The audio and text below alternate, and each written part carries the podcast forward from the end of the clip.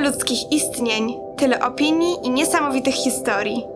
Do moich podcastów zapraszam bliższych i dalszych znajomych, aby podzielili się swoimi własnymi. Jestem Julia Lulkowska i zabieram Was dzisiaj w podróż w kosmos.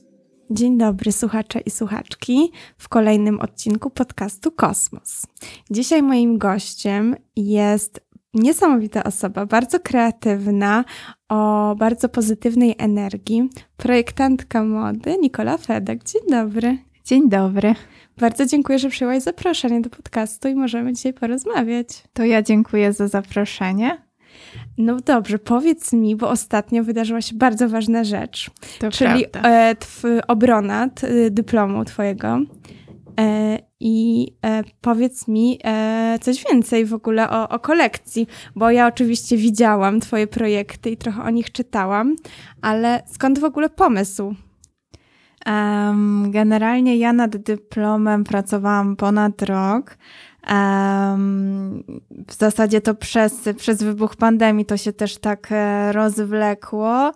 I mam wrażenie, że w mojej pracy e, ta pandemia taką trochę rolę odegrała, bo w pewnym momencie e, to, o czym chciałam mówić w kolekcji, splotło się z tym, jak ja się czułam. Takim pierwszym momentem, który ja pamiętam, że zapoczątkował moją kolekcję, był widok mojego taty, który e, przeglądał swój stary album ze znaczkami, który zbierał jako młody chłopak.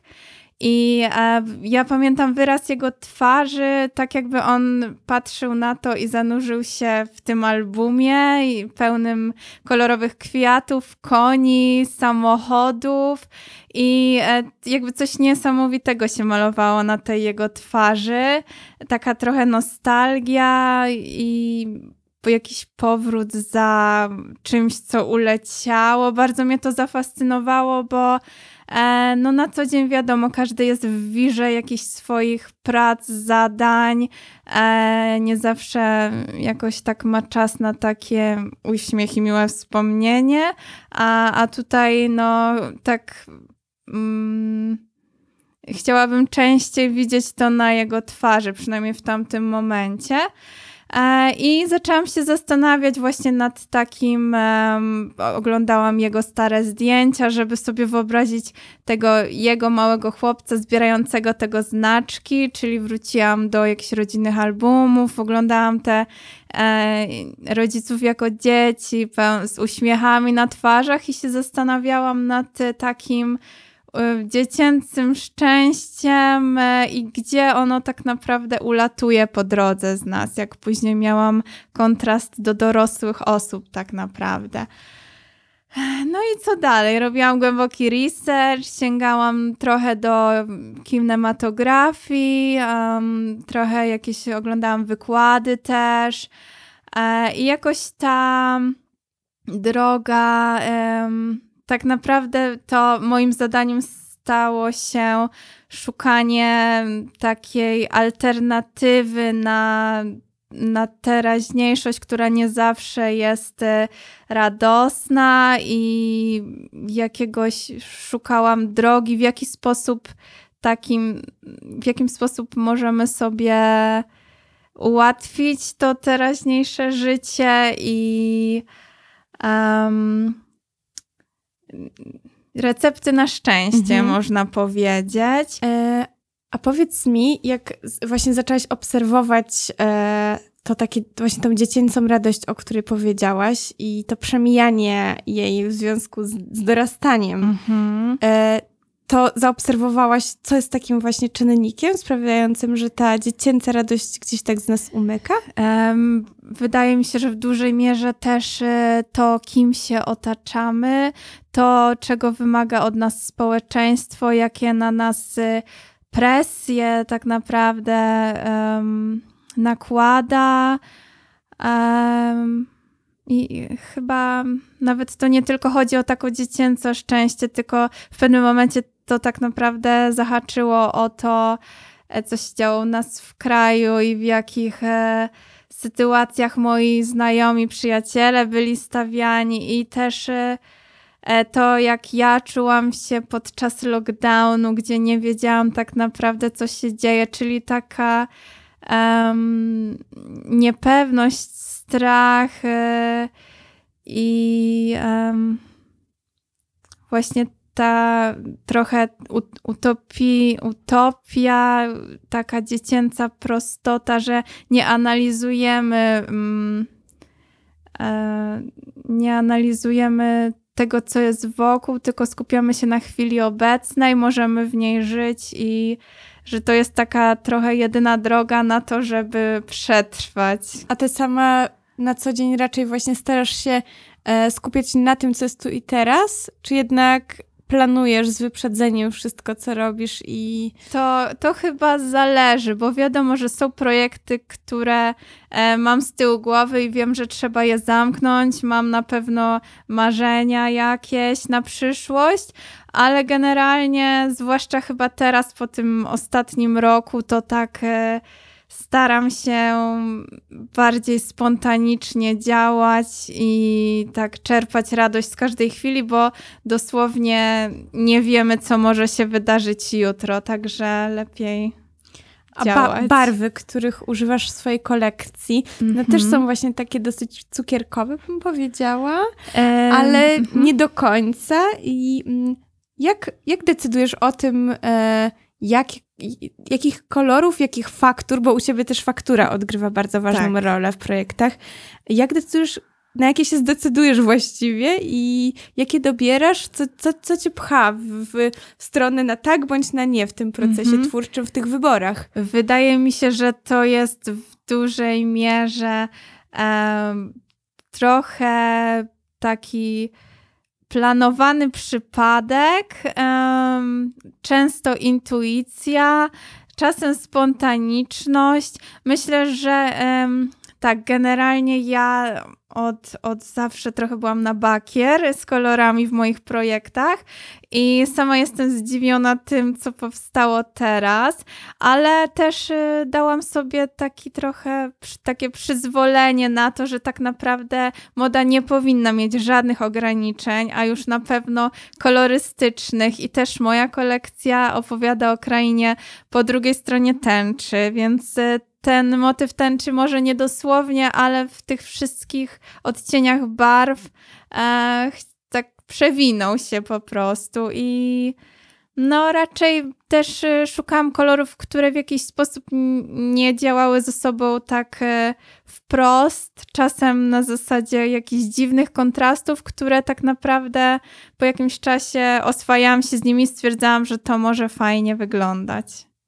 Też powiedziałaś, że moda nie powinna mieć ograniczeń i ważnym motywem w Twoich pracach jest też mm, przyzwolenie na. Bo, bo, właściwie chyba większość Twoich projektów jest pre, prezentowana na modelach, prawda? Tak. Ale y, dajesz takie przyzwolenie na to, żeby mężczyźni czy chłopcy mhm. nie byli stereotypowo męscy, że tak powiem. Tak. Że jakby nie rozgraniczasz mody na płeć.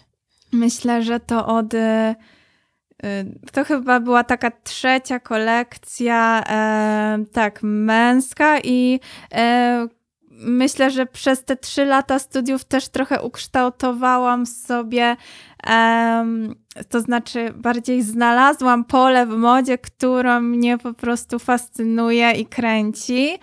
E, czyli to jest ta męska moda, ale nie taka. Mm, jakby spod linijki, gar, garnitury też lubię, ale e, żeby ją trochę podkręcić i zwłaszcza no myślę, że to jest taki mój swego rodzaju przekaz na to, że mm, też czasem mi tego brakuje. Sama mam brata dziesięcioletniego i o ile teraz bardzo dużo mówi się o sile kobiet, o tyle o tej takiej drugiej stronie, czyli wrażliwości mężczyzn, mam wrażenie, że nadal za mało. I to jest chyba taki temat, który staram się podejmować, bo też na nim mi zależy, bo mam, znam no, jakby też otaczam się chłop, chłopakami i czasem mam wrażenie, że y, brakuje jakby kogoś, kto by stanął w ich imieniu, że oni też mogą czuć się czasem jakoś e, delikatniej, a nie zawsze muszą być tacy silni i wszystko dźwigać na swoich barkach. Ale wydaje ci się, że to wynika, y, to, że nie pozwalają sobie właśnie na tą delikatność gdzieś tam, wynika bardziej z, z ich wnętrza czy z presji społeczeństwa? No myślę, że z presji społeczeństwa, tak. e, Że chcieliby mi się dać wy- sobie to przyzwolenie sami wewnętrznie. Mm, Chyba każdy by Mhm. chciał tak naprawdę. Ja też ym, sama miałam długo czasu taki problem, że wydawało mi się, że e, jakakolwiek wrażliwość może być oznaką słabości i, em, i tak naprawdę pamiętam, że ta moja pierwsza kolekcja, która była najbardziej chyba taka delikatna, przy której mi w ogóle pomagałaś, nie wiem czy pamiętasz, przy zdjęciach, tak? Pamiętam. To ona też w pewien sposób opowiadała o mnie samej, że ja wtedy dostrzegłam, że w tym, że na przykład mnie wzrusza coś, to to nie jest moja słabość, tylko em, po prostu to może być atut, że zauważam coś, co, e, co innej osoby nie ruszy. I tak myślę, że no wiadomo, wszystko zależy też od osoby. Nie możemy jakby tak kategoryzować, ale. Ale. No właśnie, bo ja się tak za zaczęłam zastanawiać, jak powiedziałaś o tej kobiecej sile i, Mhm. i z drugiej strony właśnie powiedzmy chłopięcej, męskiej słabości gdzieś tam, wrażliwości, to ja sobie myślę, że właśnie w tym czasie, kiedy ta silna kobieta jest gdzieś tam e, tym tematem głównym, to właśnie chyba tym bardziej też kobietom jest ciężko powiedzieć, że są słabe, że Tak. przyznać się do tego, że to właśnie, że skoro walczymy o to, żeby być tymi silnymi kobietami, to, to chyba zapominamy o tym, że po prostu jesteśmy ludźmi i że każdy może być słaby i Tak. delikatny i kruchy. Tak, myślę, że to właśnie jest em, tak jakby e, działa do obu płci, ale i jedna sprawa, i, i ta siła, i ta wrażliwość. A chłopcy, którymi się otaczasz, jak odbierają e, właśnie ten przekaz? Em, myślę, że mm, mm, znaczy taką mam nadzieję, że jakby em, to jest dla nich trochę takie moje wsparcie, że czują, że myślę o nich i jakby te kolekcje zawsze cząstka każdego z moich przyjaciół jakby pomaga mi zrozumieć taki ich świat i że trochę tak cała moja praca jest tak naprawdę z myślą o nich, bo przynajmniej ja, ja tak to odbieram. A czego, czego się uczysz od chłopców, którzy są dookoła ciebie? Hmm. Hmm. Na pewno mm, wydaje mi się, że mają takie prostsze podejście do życia, chociaż też nie zawsze, ale e, może nie analizują tyle co ja. E, na pewno uczą mnie po prostu takiego właśnie chwytania każdej chwili i momentu, żeby e, lepiej coś zrobić i później żałować, e, niż żałować, że, że się tego nie zrobiło. Em, no, dają mi dużo radości i.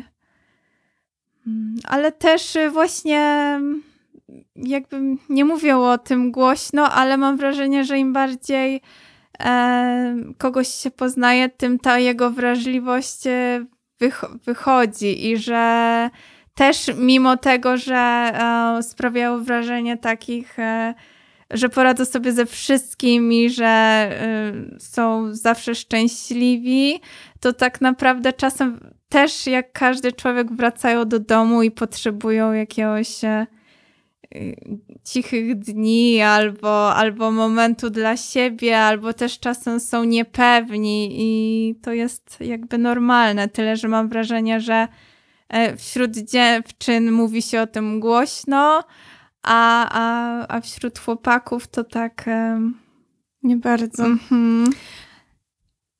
Powiedz mi, teraz obroniłaś dyplom Mhm. e, na ASP warszawskim i w bardzo szczególnych czasach to się działo. Tak. I jakie masz w ogóle spostrzeżenia, czy jak, jak patrzysz na swoje doświadczenia okołouczelniane podczas pandemii? Co się zmieniło? Jakby, no też to był już koniec tak naprawdę, gdzieś tam to trafiło na koniec twojej przygody, Mhm. prawda, z uczelnią, Tak. ale jak to ewoluowało? Jakie zmiany zauważyłaś?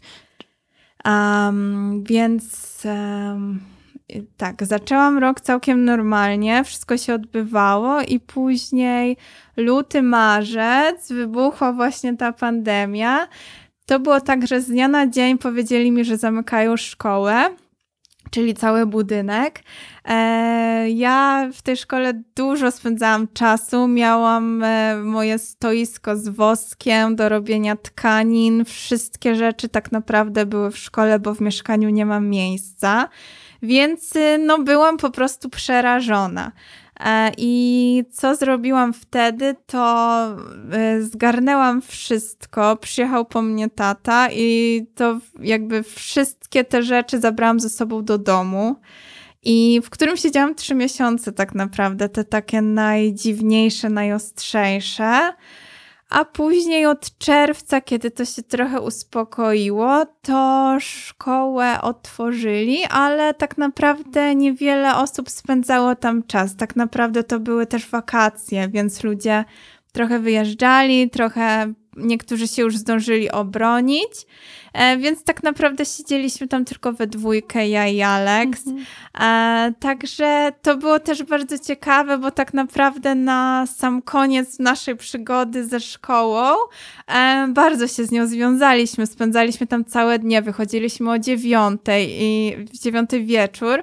A I jakby no jedliśmy tam, słuchaliśmy muzyki i jakby i pracowaliśmy, więc to było już w pewnym momencie takie em, mieszały ci się granice, czy to jest szkoła, czy to jest dom, czy to jest po prostu miejsce na imprezę, bo za dużo czasu w jednym miejscu. No właśnie jak oglądałam wasze relacje e, Tak. na Instagramie, to widać było, że spędzacie tam bardzo dużo czasu, Tak. ale że to jest super czas i że troszeczkę tak jakbyście mieli tą szkolną, uczelnianą przestrzeń na wyłączność. Tak. Że to No. było wasze ekskluzywne miejsce w pewnym Y, momencie. Tak, studio. tak.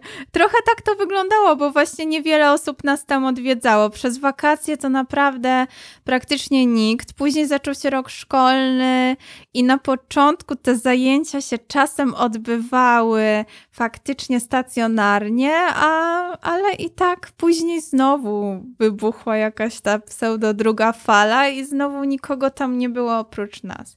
Co nam było na rękę, bo przyzwyczailiśmy się do tego, że mamy właśnie całą tą salę dla siebie i, i jakby mamy dużą przestrzeń do pracy, a jednocześnie fajne było to, że jak wracałam do domu, to było to takie miejsce tylko na odpoczynek. A, że granice były takie jasno wydzielone. Szkoła pracuje, a dom odpoczywam.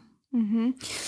Ja powiem ci, że w tym roku, no bo co roku spotykaliśmy się właściwie na pokazie, pokazach kolekcji Tak. dyplomowych. Tak. E, no i była fantastyczna atmosfera, a w tym roku to wyglądało trochę inaczej, no bo, bo pokazy były, prawda? Tylko były online takie. Nie, To- nie, nie? To znaczy było tak, że obrony A, dyplomów... obrony tylko. Mhm. Obrony dyplomów odbyły się online, co było tak naprawdę super, bo em, i mam nadzieję, że katedra utrzyma w zasadzie ten pomysł, bo raz, że one odbyły się w innej przestrzeni, w innym w ogóle budynku, mm, co też było fajne, bo jakby, jakbym miała bronić się w sali, w której pracuję 5 lat, to tak e, no, no to jest, e, fajniej było z tym wyjść, e, stanąć e, jakby z tym mikrofonem i ci modele na czarnym tle, na podwyższeniu, to się zupełnie inaczej zaprezentowało, ale też wiem, że moja rodzina miała możliwość oglądania mnie i wspierania. Em, no, jakie możliwości przez 10 poprzednich lat, 9 w zasadzie nikt nie miał. Także to moim zdaniem było bardzo na plus. E, A jeśli chodzi o pokaz, to no, tutaj mogę sprzedać plotki, że niby są jakby są o nim. e, Jak nasza kadra myśli o nim intensywnie. Także może nie wszystko stracone i może jeszcze się uda, Mhm. ale to pewnie jak już trochę znowu się uspokoi wirusowa sytuacja. Tak.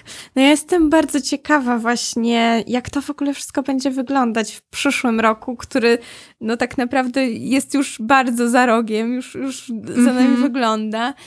I chyba, chyba przy, przez większość czasu wszyscy jeszcze mieli nadzieję, że jak przyjdzie 2021, e, to nasz los taki właśnie się trochę odmieni. A, i, I nie wiem, że, że, że ten wirus zniknie i, że- i że wrócimy w tym 2021 do starego porządku świata. A w tym momencie chyba już nie mamy złudzeń, że, że, Mhm. że kiedyś wróci ten stary świat, tylko staramy się zaadoptować do tej nowej sytuacji. I ja się zastanawiam, czy właśnie wróci jeszcze kiedyś w 100% takie życie, mm, jak było przed pandemią i, i czy uczelnie będą jeszcze wyglądać tak, jak wyglądały? No bo tak jak Mhm. właśnie rozmawiałyśmy jeszcze przed podcastem, Tak. e, o tym, że no teraz dziwnie zacząć studia, bo to właściwie nie ma tego klimatu, tej atmosfery niezwykłej całej dla studiowania, e, takiej charakterystycznej. I oczywiście gdzieś tam ten, ten tryb, jaki teraz jest e, na studiach, wiele ułatwia, bo, Mhm. bo można pogodzić więcej rzeczy, więcej obowiązków Tak. w życiu, ale z drugiej strony coś bardzo ważnego chyba odbiera. Tak. Ja myślę, że fajnie by było, gdyby udało się trochę połączyć te dwa światy, że z tego trudnego doświadczenia, jakim e, jest i była ta pandemia, wynieść to, czego się nauczyliśmy. I też w kontekście tak jakby organizacji studiów, ale też chyba naszych żyć tak naprawdę. E, Docenić to, co mieliśmy przed tym wybuchem, ale też e, umieć się zaadoptować do tych nowych rozwiązań, które czasem okazały się, zmotywowały nas tak naprawdę do organizacji czegoś lepszego. Ja też się tak zastanawiam. E, właściwie zastanawiałam przez cały czas e, te, tych zmian, które się dokonywały mm, przez ten rok. E, jaką funkcję właściwie dla nas ma sztuka i moda? Bo kiedyś wyjście do galerii, do muzeum, e, czy na tydzień mody Mhm. d- dla, dla, dużej, dla, dla dużego grona osób wydawało się czymś oczywistym, naturalnym, e, nieodbieralnym, tak, takim prawem, które po prostu Mhm. przysługuje. I nagle no, wszystko się zmieniło z dnia na dzień. Jeszcze na początku roku, jak, jak był, były Fashion Weeki, no to by, były podzielone opinie, prawda? Że Mhm. jedni twierdzili, że no, że no cóż, no muszą pracować i tak, więc Tak. lecą. Y, Inni mówili, że nie, w żadnym wypadku, zostają. No też y, same, same marki, prawda, zaczęły podejmować jakieś y, skonkretyzowane decyzje co do tego, jak to ma wyglądać. No ale okazało się w pewnym momencie, że chyba nam brakuje tych wyjść do muzeów, do galerii sztuki i tych Tak. pokazów. Jak, Y, jak się na to zapatrujesz? No ja w ogóle em, też wiele razy się zaczęłam zastanawiać, e, jakby w dobie takiego wielkiego kryzysu, jaki sens w ogóle tak naprawdę mają moje studia, bo e, biorąc pod uwagę to, co się działo w ogóle i, i jeżeli chodzi o jakieś ludzkie prace i, i tak dalej, życia, to czym jest ta moda tak naprawdę? Trochę takim um, wymysłem w pewnym znaczeniu, ale z drugiej strony e, mi osobiście taka praca kreatywna, artystyczna po prostu pomagała i nadal pomaga wyrwać się z takiego świata rzeczywistości realnego. E, I mam wrażenie, że ludzie idąc do galerii na wystawę albo oglądając jakieś projekty modowe, tego właśnie szukają. Trochę tak jak oglądamy filmy, które są nierealne i abstrakcyjne, ale pobudzają naszą wyobraźnię, dają nam te dwie godziny jakiejś magii. I chyba po to tak naprawdę jest taki obszar sztuki i kultury, żeby nas troszkę tak wyrywać z codzienności. No ja myślę, że to jest szczególnie ważne w takim trudnym czasie, e, żeby właśnie mieć taką możliwość trochę terapii Mhm, nie dać sztuką i kulturą. Tak, Mhm. tak. I to, to jest właśnie wspaniałe, że kiedy no, tyle na nas spadło w tym roku, to możemy, możemy zapomnieć troszeczkę, na chwilę chociaż, Tak. o tym wszystkim, co się dzieje dookoła nas i przenieść się do tego magicznego świata, który proponują nam artyści. Ale jak myślisz, bo ja mam trochę problem z tym, nie Mhm. ukrywam. Otworzyły się te wszystkie galerie online, zwiedzanie online. I może zabrzmie trochę staroświecko, ale nie do końca mnie to satysfakcjonuje. Mhm. E, I czy uważasz, że sztuka, a zwłaszcza modę, bo, no bo też moda jest szczególnym, e, wydaje mi się, szczególną dziedziną sztuki, Mhm. bo jest w tym jednak element użytkowy, choć nie musi być. Mhm. Em, no ale sam, nie wiem, no dla mnie ubrania są czymś takim, jak widzę fakturę, nie? Faktura jest bardzo ważna. Czy mogę dotknąć tkaniny? Ten taki um, wielozmysł, to, to takie doświadczenie wielozmysłowe jest dla mnie ważne w przypadku odbierania mody. I czy, czy to nie traci? To ten odbiór nie traci? Ten online odbiór te, tej sztuki? Ja myślę, że w modzie też jest bardzo ważny sam fakt, że jest stworzona na ciało człowieka, które też jakby zupełnie inaczej zachowuje się nawet niż manekin, więc e, to też jest ważne, że modę moim zdaniem powinniśmy oglądać na po prostu modelach i w ruchu i w życiu.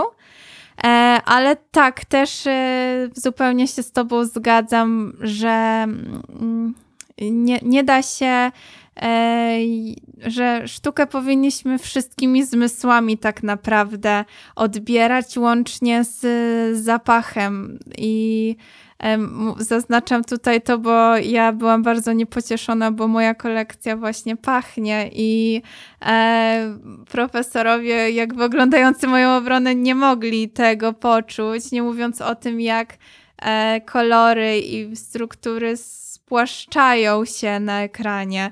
Także zupełnie się zgadzam, że mm, no, może z biegiem czasu uda się zorganizować coś takiego, że te obiekty artystyczne będą tak przystosowane do oglądania, że ludzie będą mogli bezpiecznie, ale jednak na własne oczy i dotyk z- zobaczyć te rzeczy. No też nie jestem fanką takiego cyber e, zwiedzania wystaw. No ja właśnie ostatnio y, robiłam taki pogłębiony research na Mhm. temat zwiedzania online. No i są wystawy, które są naprawdę dobrze przygotowane, Mhm. tak uważam, ale no jednak w większości brakuje dużo, brakuje. Bo to też chyba jest kwestia tego, czego szukamy, e, idąc do galerii czy do muzeum.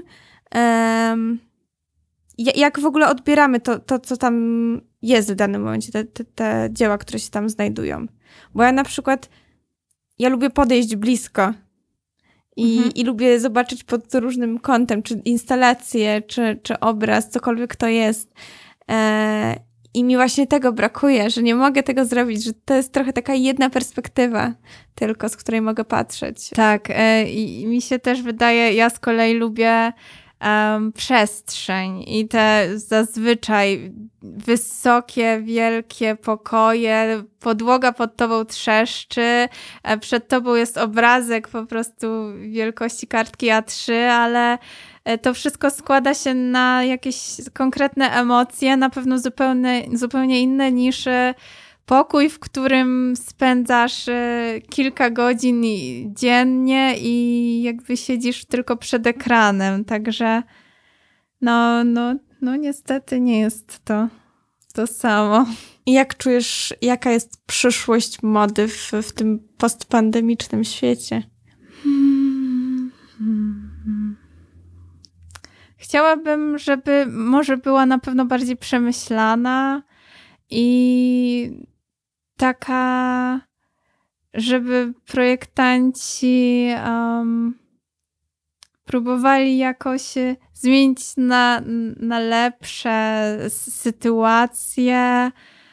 Um, ale myślę, że tak jak już wcześniej mówiłam, że raczej nie uważam, że będzie z nią gorzej, bo ludzie na różne sposoby szukają takich e, radosnych odskoczni i moda na pewno jest jedną z nich. Uważasz, że moda jest tylko do noszenia? Hmm. Że musi być do noszenia, że musi być użytkowa?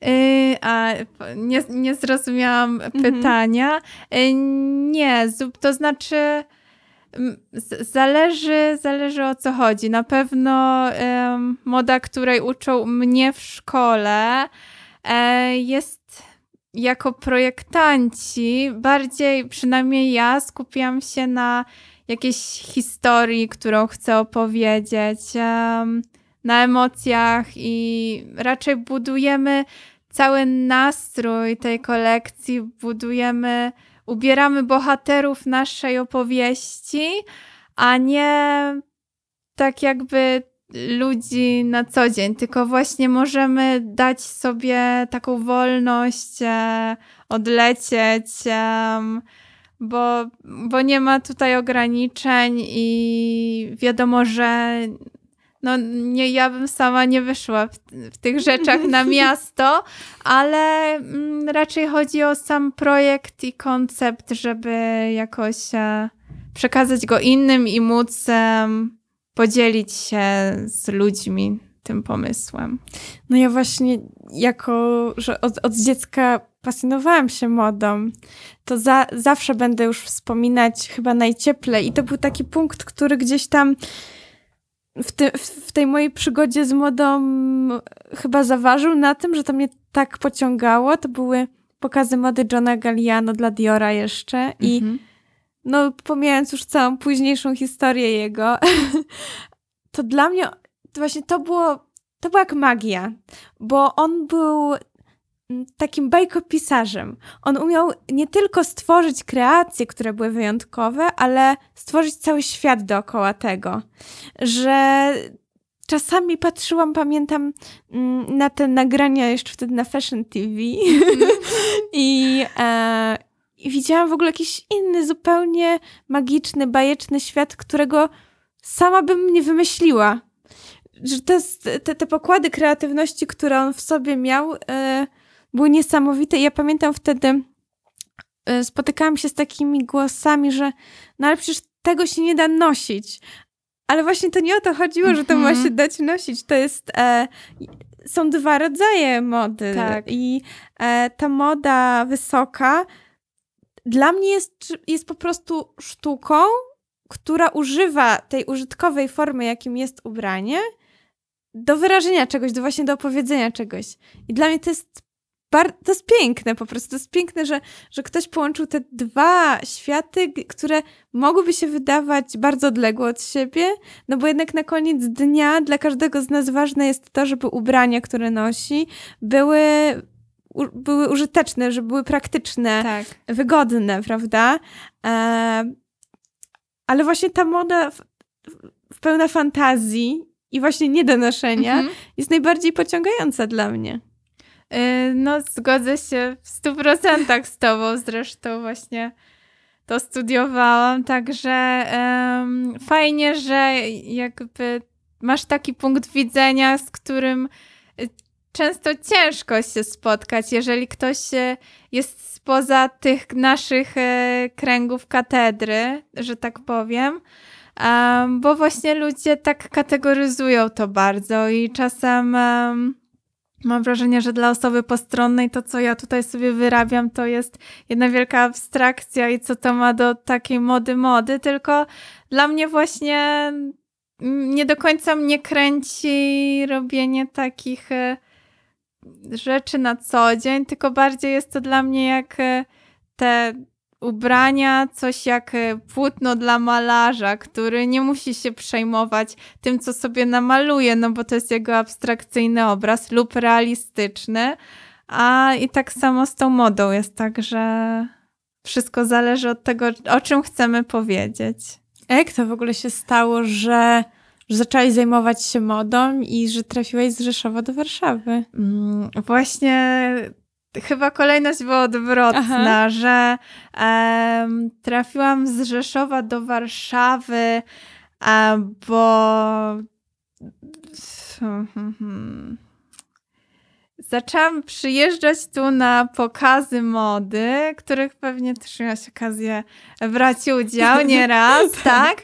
Tak zaczęła się jakoś, tak zaczęła się moja przygoda z Warszawą, jakieś pierwsze znajomi, kontakty i tak naprawdę mm, to chyba te takie pełne splendoru pokazy projektantów, którzy e, polskich, warszawskich, którzy wtedy byli dla mnie bożyszczami, można powiedzieć.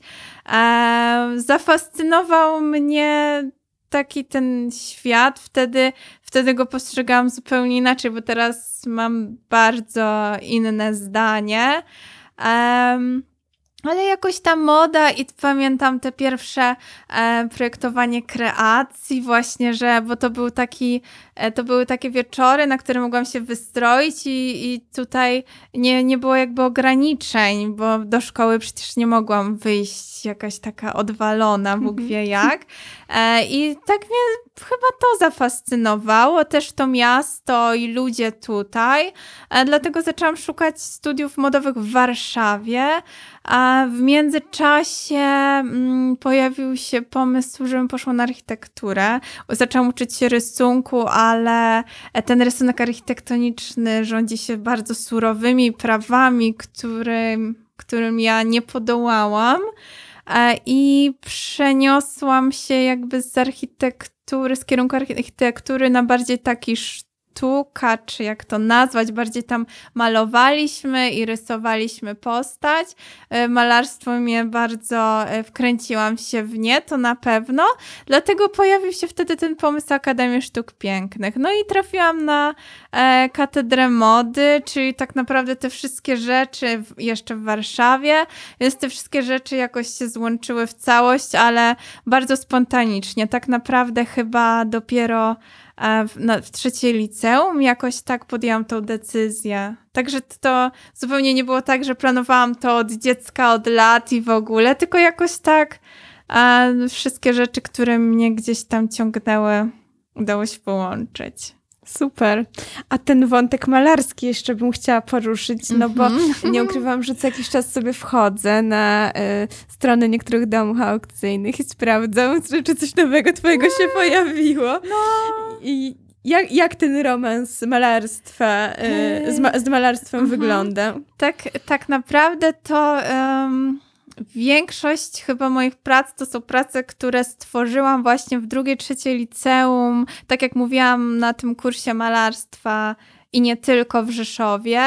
Później też miałam wielką przyjemność na trzecim roku studiów e, u nas na wydziale chodzić na zajęcia malarstwa do profesora Łukasza Koro- Korolkiewicza, e, który przekazał nam też ogromną wiedzę, mimo że to był chyba, nie, to były dwa semestry. Tam też u niego udało mi się namalować kilka obrazów. E, No sprawia mi to wielką frajdę tak naprawdę. A skąd przychodzą do ciebie pomysły na to, co masz namalować? A, Właśnie. Hmm. Czy jest tak na przykład, bo ja też sobie trochę Mhm, maluję, na pewno, mhm. na pewno nie tak dobrze jak ty, No ale e, jest dla mnie to właśnie taka forma w ogóle bardzo odprężająca Mhm. i zazwyczaj mam chyba tak, że kiedy mam bardzo dużo myśli w głowie i one się tak kłębią i kłębią, to w pewnym momencie zaczynają się troszeczkę układać i muszę to wylać w jakiś sposób właśnie razem z Mhm. tymi farbami na płótno. Zastanawiam się, jak inni mają właśnie. Czy to też jest taki sam proces, mhm. czy zupełnie odwrotny? Czy na przykład zobaczysz pewien kształt, jakąś fakturę i masz potrzebę oddania tego właśnie na płótno, czy jest to coś zupełnie innego? S- Wydaje mi się, że ja raczej do tej pory e, malowałam bardziej realistycznie. Dopiero e, pod koniec tej przygody, um, dwa lata temu, bo już długo nie malowałam, to tak zaczęłam e, jakoś tak poznawać powoli takie bardziej abstrakcyjne pola, które też mi się spodobały, ale jeszcze chyba nie czuję się na siłach.